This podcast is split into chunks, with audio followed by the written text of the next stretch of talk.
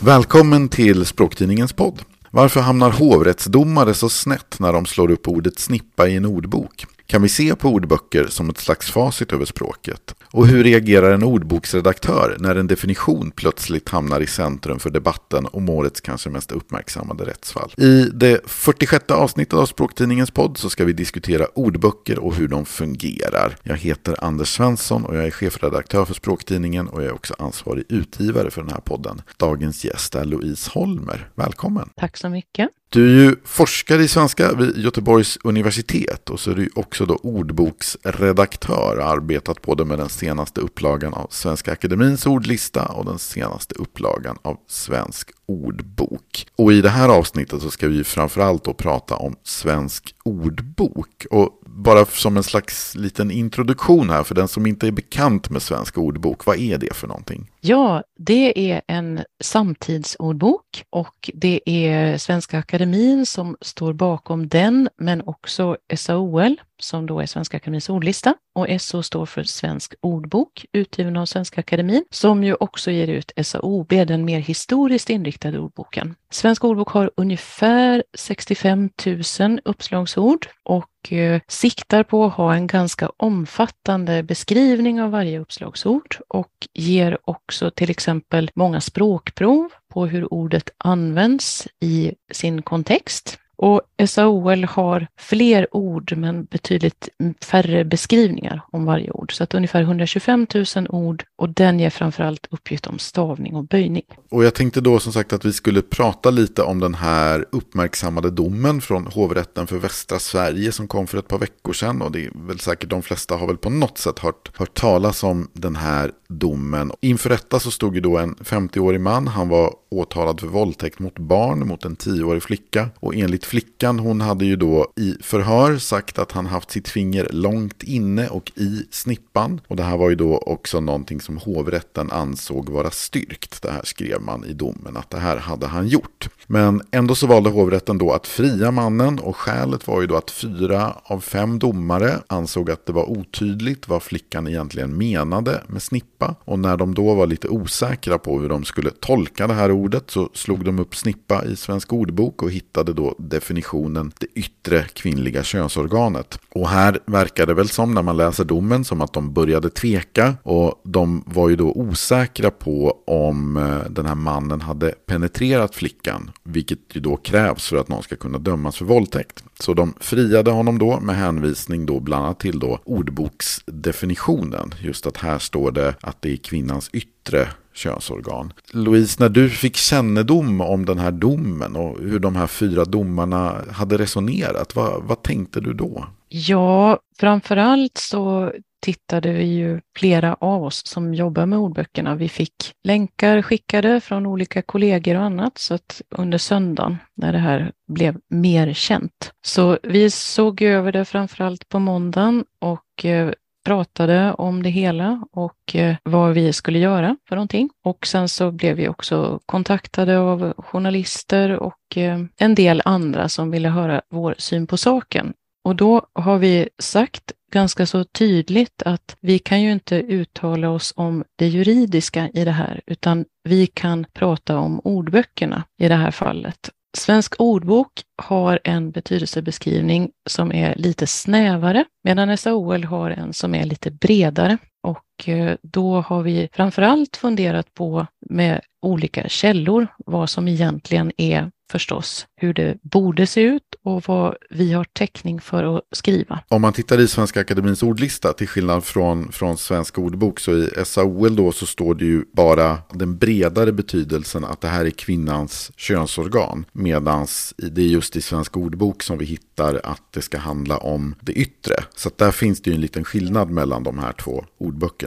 Ja, det gör det. Och då så kan man säga att snippa kom med i 13 upplagan av SOL 2006 och då så var det framförallt efter att det hade blivit lite olika tidningsskriverier om ordet som hade lanserats och det hade varit omröstningar och så om bästa ordet. Och eh, då kan man säga så här att vad ordböckerna ska spegla är framförallt allmänspråket men det är ju inte specialistspråket. Det baserar sig mycket på skriftspråk av lite mer det är tidningar, skönlitteratur och så vidare. Och då så blir det tydligt nu att snippa har funnits lite sporadiskt i tidningar, faktiskt sedan ja, sent 90-tal i alla fall kan man säga. Och jag tror att den som är intresserad av exakt betydelse, den har lite olika källor att vända sig till. Man kan titta på ungdomsmottagningen till exempel, som berättar väldigt mycket. Och man kan titta på 1177 till exempel, som ju är texter skrivna av experter som vänder sig till allmänheten. Så vad säger ungdomsmottagningen om ordet? Där används snippa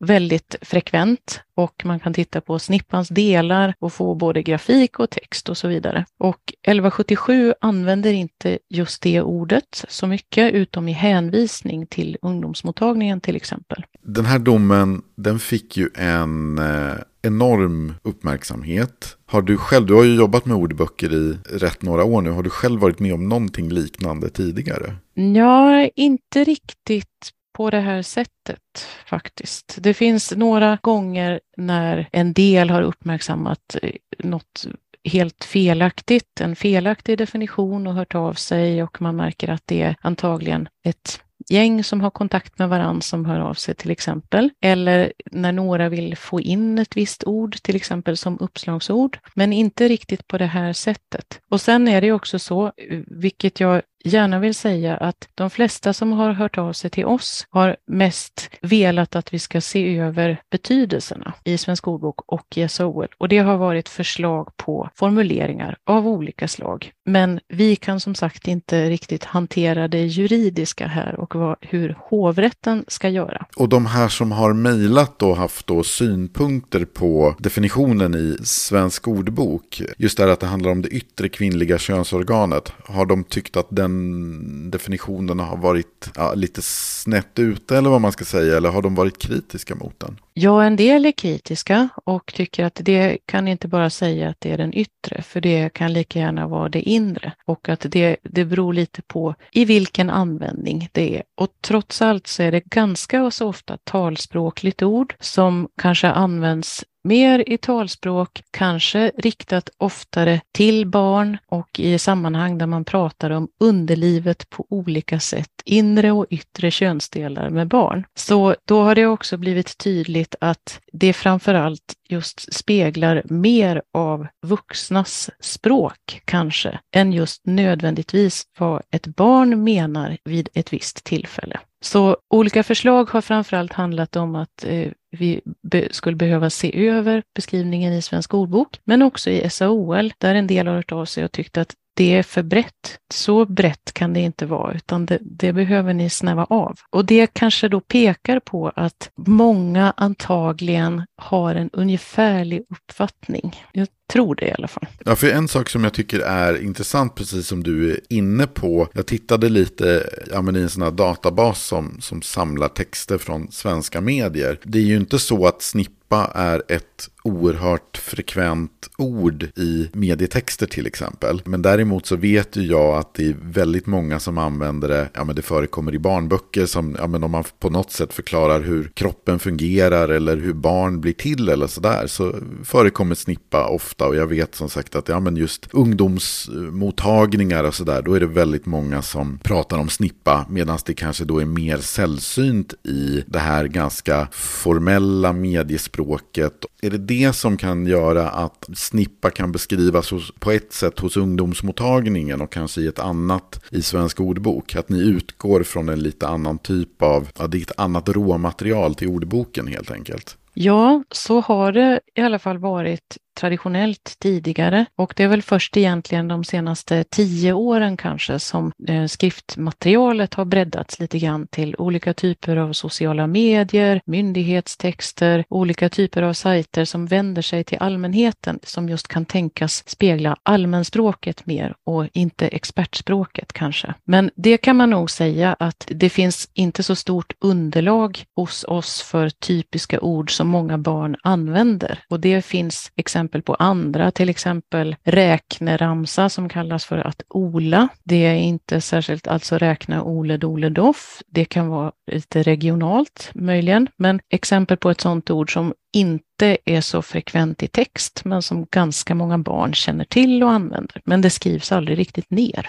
Så lite så här i efterhand just då, den här definitionen i svensk ordbok, hur träffsäker känns den? Vi har pratat om att vi skulle ha någonting som just markerar att det kan vara inre och yttre och att det beror lite på sammanhanget. Om man pratar om var kommer barnen ifrån? Ja, de kommer ut ur snippan till exempel. Men det förekommer ju också att en del kissar med snoppen och andra kissar med snippan. Alltså att det finns, det behöver kunna spegla flera olika användningar. Så det är en definition som ni just nu, ja men ni ser över helt enkelt? Ja, det gör vi. Men sen kommer det inte att synas direkt utan det publiceras när nästa upplaga av Svensk ordbok eller SAOL publiceras. Om vi då hoppar till Svenska Akademins ordlista då, så som du var inne på här tidigare, så den tas ju med i 2006 års upplaga och då finns en lite ovanlig kommentar här. Där det står just lanserat ord för kvinnans könsorgan. Och jag tror att det här är faktiskt en, en unik kommentar, just det här lanserat ord. Jag har inte stött på det i något annat sammanhang i SAOL i alla fall. Vad betyder det i det här fallet? Ja, det här var strax innan jag började arbeta med det här.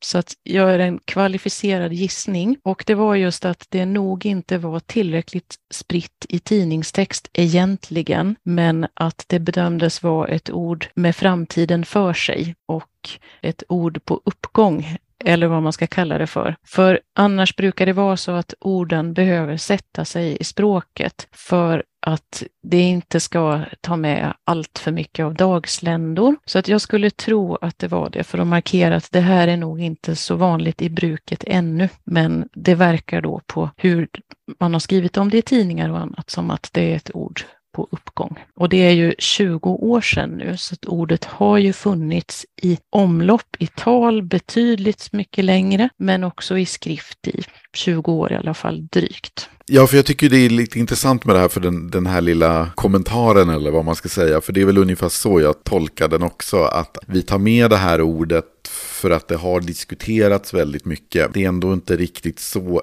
etablerat så att ja, man tycker att det behöver någon slags liten kommentar ungefär så att det liksom knackar på dörren till den här bredare etableringen eller vad man ska säga. Ja, så ibland när det handlar om väldigt nya ord så får vi göra en bedömning av typen kommer det här att hålla? Och ja, om man ska ta ett annat helt orelaterat ord, naturvin har jag för mig var ett sånt, att det var inte så vanligt i text men vi tänkte oss att det nog verkade bli vanligare. Det har det nog blivit. Sen finns det exempel på det motsatta också, ord som kom och passerade. Och hoppar vi fram då till den senaste upplagan av SAOL från 2015 då så har ju den här kommentaren om att det är ett lanserat ord, då har den försvunnit och istället finns det en så kallad bruklighetsmarkör då som säger vardagligt. Och vad betyder det här när det står att det är vardagligt i en ordlista? Vad har det för innebörd? Ja, det skickar ju en signal till användaren om att om man skriver i mycket seriösa sammanhang eller annat så kanske man kan välja ett annat sätt att formulera sig eller att det kan uppfattas som att det är på en vardaglig stilnivå som kanske passar i vissa fall utmärkt men inte i alla fall. Så det finns lite olika typer av sådana markörer som högtidligt eller något ålderdomligt och annat. Men det här du sa om just etiketten lanserat ord, det tror jag inte kommer att användas igen i ordböckerna. Det märks ju på många sätt att, att Snippa har en lite speciell historia. För att när det här togs med i SAOL 2006, som sagt det hade ju varit ganska mycket mediedebatt kring det här ordet. Och då hade det just varit många som på olika sätt argumenterat för att det behövdes ett, ja, ett neutralt, vardagligt och kanske framförallt avsexualiserat ord för kvinnans könsorgan. Helt enkelt ett ord som man kunde använda i barnböcker och på ungdomsmottagningar och vad det nu kunde vara i klassrummet. Ungefär så, liksom någonting som kändes odramatiskt så. Så kollade jag också i den första upplagan av Svensk ordbok från 2009 så fanns det en liten så, här, så kallad stilruta om just snippa. Och då stod det så här. Snippa har ganska nyligen lanserats som en motsvarighet till snopp och lanseringen tycks ha lyckats väl. Från språkvetenskaplig synpunkt är det intressant att en urgammal ordbildningsprincip har kommit till heders. Ordbildningssättet innebär att en vokal byts ut mot en annan och vokalbytet kallas avljud. Vi möter de tydligaste exemplen på avljud i böjningen av starka verb, springa, sprang, sprungit. Men avljud har inte i nämnvärd utsträckning använts för att bilda nya svenska ord på många hundra år. Det här skriver man ju inte rent ut, men syftar det här då, är det liksom, tänker man sig snopp och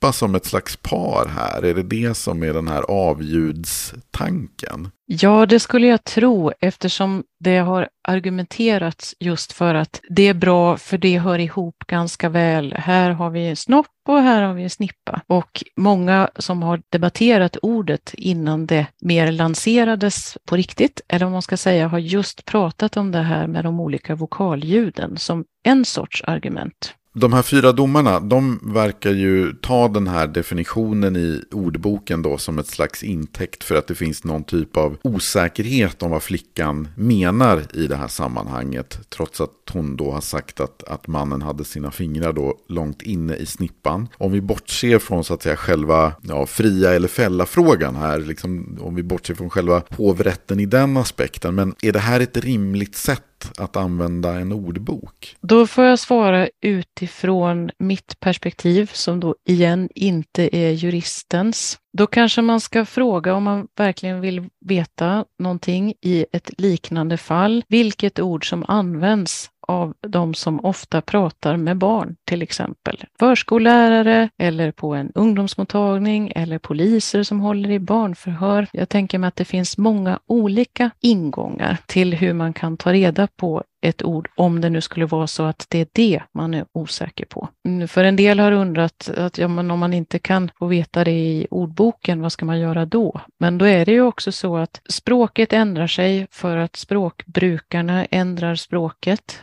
och ordböckerna ligger sällan i framkant. De är ofta lite efter för att det handlar om att registrera någonting som redan finns dokumenterat i skrift. Det är sällan det går att vara progressiv i en ordbok, utan de är ofta lite efter. Sen är det såklart ambitionen att ha en modern och uppdaterad ordbok. Men det kan ju vara så att vissa ord behöver moderniseras och de har bara blivit liggande och inte fått någon översyn, till exempel. I den bästa av världar så skulle ju alla ord ständigt vara under, på något sätt, under redigering. Men det är inte riktigt möjligt på det sätt som det finns personer till idag som jobbar med det hela. Så att man ska alltså inte se på ordboksdefinitioner som ett slags facit över språket, att så här är det? Ja, det tror jag är lite farligt eftersom alla ord finns inte med i ordboken. Vilken ordbok man än tar och tittar i så handlar det om ett urval av ord. Och även om man då kan tycka att SAOL innehåller 125 000 ord, det måste vara jättemånga, men eftersom svenskan tillåter så mycket ny ordbildning, framförallt med sammansättning, men också avledning och förstås lånord från andra språk, så handlar det ändå om ett urval. Och när det gäller de här två samtidsordböckerna så handlar det också om ett urval i betydelsebeskrivningen. SAOB redovisar betydligt fler eh, betydelser som ett ord har haft genom åren, alltså den historiska ordboken SAOB har med betydligt mer finindelning av betydelserna än vad vi har möjlighet att ha. Och SAOL i sig själv har ju framförallt då uppgift att ge information om stavning och böjning och lite grann om ordbildning genom de här, ska det vara S eller inte i sammansatta ord, till exempel. Heter det tidsgräns eller tidgräns? Och så. Men då vet jag ju också att många tar SAOL som ett facit över tillåtna svenska ord och en del använder Svensk ordbok som ett facit över det betyder detta och bara detta, för det finns inte med något mer i ordboken. Men det behöver det ju inte alls göra, utan det finns alltid tillfälle för förbättringar och modernisering. Så att en definition i svensk ordbok då till exempel, så kanske man snarare ska se på den definitionen som en vägledning snarare än någonting som är liksom entydigt, fastnaglat och allmängiltigt. Ja, och sen är det ju också så att vissa ord är betydligt bättre beskrivna än andra och och eh, när det gäller en del ord så kanske det har varit viktigare att ehm, få med dem än att ge en fullödig beskrivning. Och sen beror det lite grann på hur gamla de är i språket. Rätt så gamla, vad ska vi ta, oregelbundna verb till exempel. De är gamla i språket. Ett verb som ta eller gå eller ge och liknande. De har funnits väldigt länge och används på, de utvecklas förvisso också. Det kommer ofta lite olika typer av nya partikelverb, alltså ta och någon sorts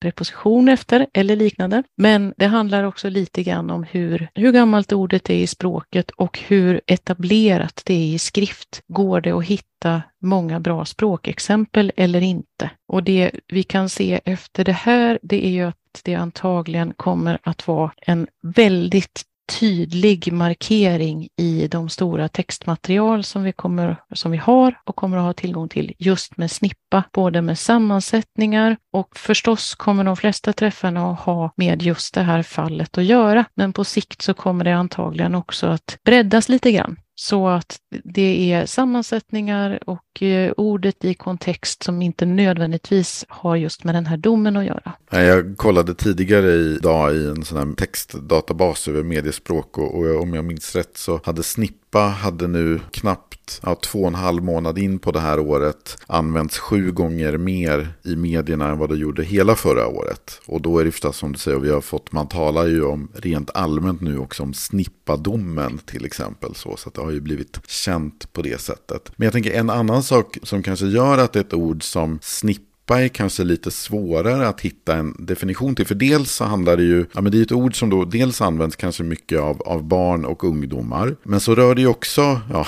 helt enkelt en del av kroppen. Även om man försöker vill att snippa ska vara det här väldigt neutrala, avsexualiserade ordet. Så är det ju ändå någonting som kan vara lite tabu, det kan vara lite känsligt. Kan det också vara en anledning till att det kan vara svårare att ja, hitta underlag till en träffsäker definition? Ja, det kan kan jag absolut tänka mig. Att det är någonting som många pratar om men eh, kanske inte med så stor precision alltid. Eller kanske också använder lite motvilligt och det är ett ämnesområde som det många nog tycker är lite obekvämt att prata om på olika sätt. Det är förstås aldrig dumt att, att slå upp ett ord i en ordbok. Men om jag själv skulle slå upp något ord, vare sig det är soppa eller någonting annat och, och själv känna att ja, men den här definitionen kanske inte var riktigt heltäckande eller den kanske inte motsvarar min känsla för hur det här ordet brukar användas och sådär. Som ordboksanvändare, hur, hur borde jag gå vidare då? Vilka andra källor kan jag vända mig till? Man kan ju titta i olika ordböcker för det första. Så att nu finns det kanske lite färre ordböcker än vad det fanns för 25 år sedan för många ordboksredaktioner har fått lägga ner helt enkelt. Det är ganska dyrt att göra ordböcker med människor bakom åtminstone. Så man vänder sig till lite olika resurser och då har ju framförallt SO, SOL allmänspråket och inte så mycket dialektala ord, då finns det dialektordböcker och inte så mycket till exempel rena förslag från användare. Då finns det olika typer av användargenererade ordböcker på nätet som man också kan titta i. Så det beror lite grann på vad man är ute efter för någonting. Och om jag då just i Svensk ordbok till exempel eller i SAOL hittar någonting som jag tycker, men vänta nu, det här verkar ju lite tokigt. Jag är ganska säker på att det här ordet också kan betyda det här eller vad vet jag, om man upplever att det är någon nyans som inte finns med eller vad det nu kan vara. Hur, hur går man tillväga då? Det går att kontakta redaktionen. Då finns det kontaktuppgifter på nätet. Till SAOL finns det en förslagslåda med nyordsförslag, men då brukar chansen öka att eh, vi kan se över det ökar om man kan berätta hur och när det används och ge exempel på ordet i sitt sammanhang. Så att om man vill övertala er, och jag antar att man går in på svenska.se då, där ju de här olika ordböckerna finns kostnadsfritt. Men jag antar då också att eh, om man till exempel kan plocka upp ett eller flera exempel på att eh, ni säger att X betyder Y, men titta, här finns ju betydelsen Z Z också? Det, blir ni lite extra glada då? Ja, då blir vi glada. Nej, men det betyder ju att någon har tittat och först bedömt vad som finns. Det är också ganska vanligt att någon tittar i en äldre upplaga av SAOL som står hemma i bokhyllan och då kanske det är en från 70, 80, 90-talet någonting och då kan det ändå ha hänt någonting mellan den upplagan och den senaste. Tack så mycket Louise Holmer. Tack så mycket. Tack till dig som lyssnat. Om du inte redan är prenumerant på Språktidningen så kan du på vår webbplats språktidningen.se testa tre månader av vår digitala upplaga för bara 49 kronor. Du kan också pröva två nummer av den tryckta upplagan för 99 kronor. Prenumerera gärna på oss i din poddtjänst och följ oss i sociala medier så att du inte missar något avsnitt. Vi finns på Facebook, Instagram, Twitter och LinkedIn. Tack så mycket och på återhörande.